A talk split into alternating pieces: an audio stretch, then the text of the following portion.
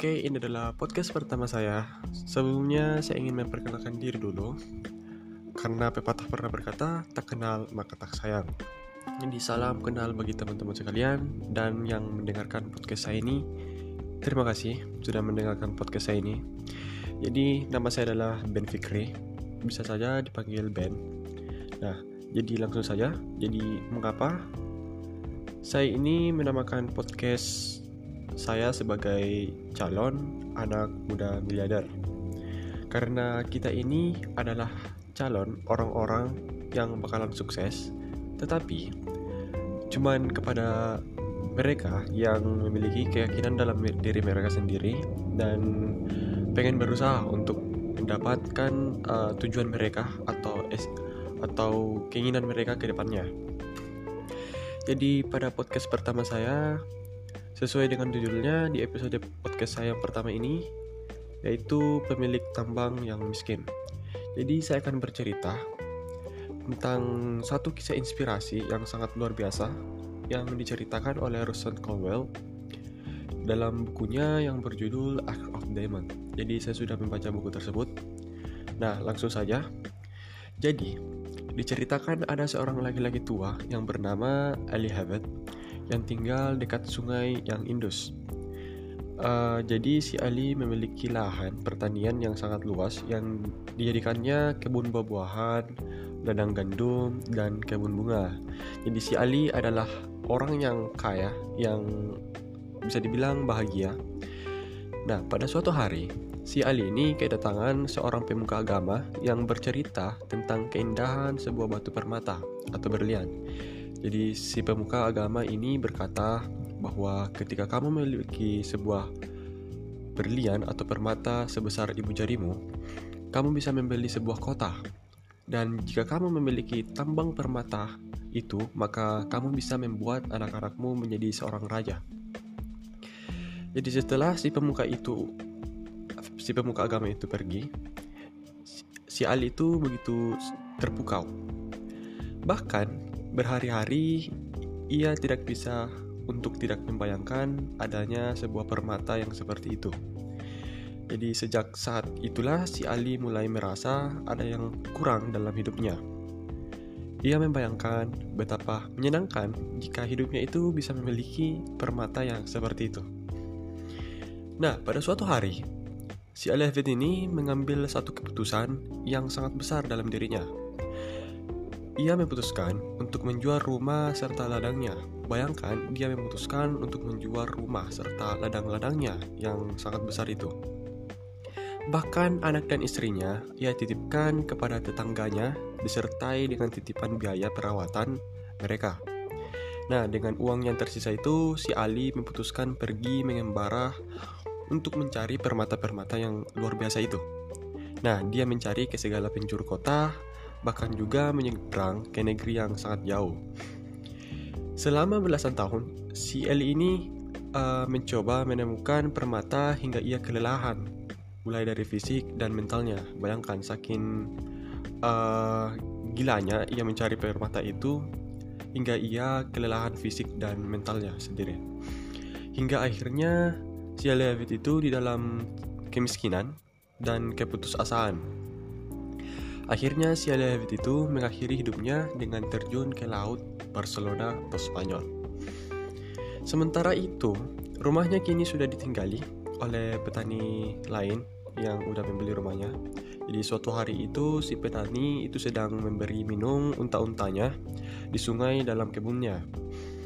Ia melihat seberkas batu aneh memancarkan sinar yang berwarna-warni seperti pelangi. Pelangi ya jadi batu itu kemudian dibawa ke dalam rumah, diletakkan di atas rak atau bisa juga dikatakan dia itu menjadikannya sebuah uh, pajangan rumah saja gitu. Nah, dan dia pun melupakannya.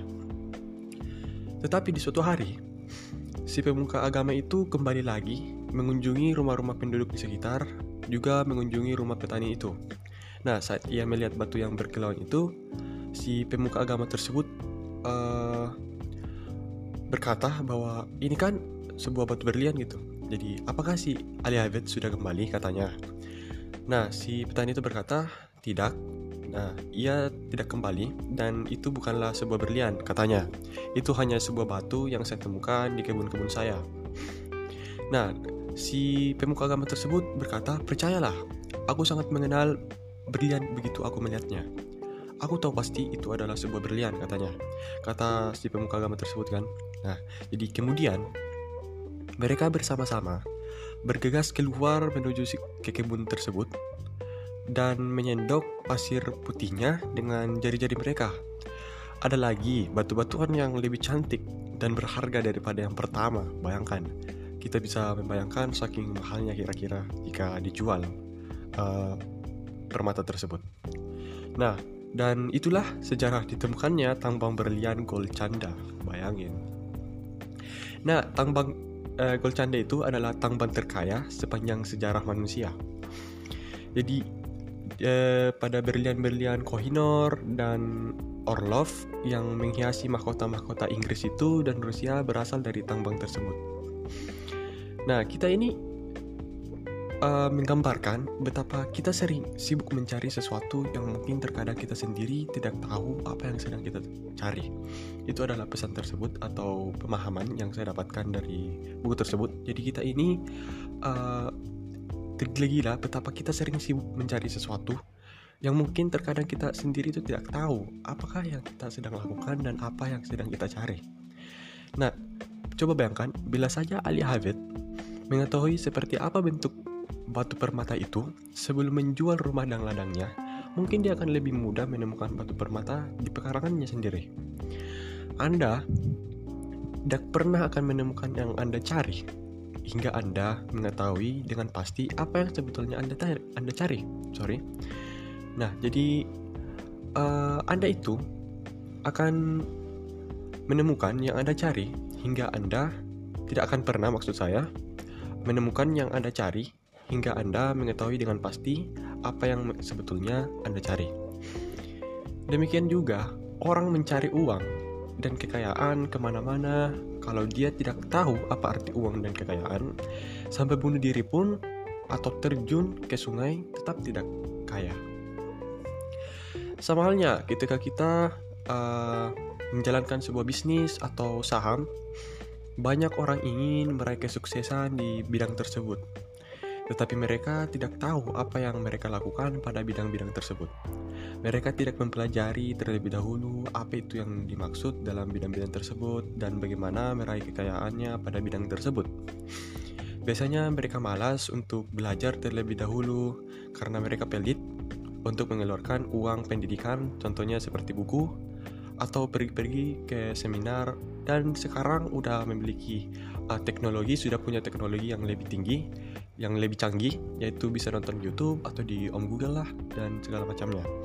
Jadi mereka itu lebih memilih memilih langsung terjun ke kolam tanpa uh, akhirnya yang akhirnya uh, mengakibatkan uh, tenggelam bagi dirinya atau membuat dirinya menjadi celaka begitu. Sama halnya dalam kita menyetir mobil. Jika kita tidak memiliki mentor dan mengeluarkan biaya untuk belajar menyetir terlebih dahulu, tetapi langsung menyetir di jalan raya, maka kemungkinan menabraknya sebesar 99%. Nah, uh, inilah yang inilah pemahaman yang bisa saya berikan kepada kalian semua. Jadi, ketika kita menginginkan sesuatu, alangkah baiknya kita belajarlah terlebih dahulu. Karena sesuatu yang lebih besar membutuhkan skill dan pemahaman yang lebih besar juga. Oke, terima kasih.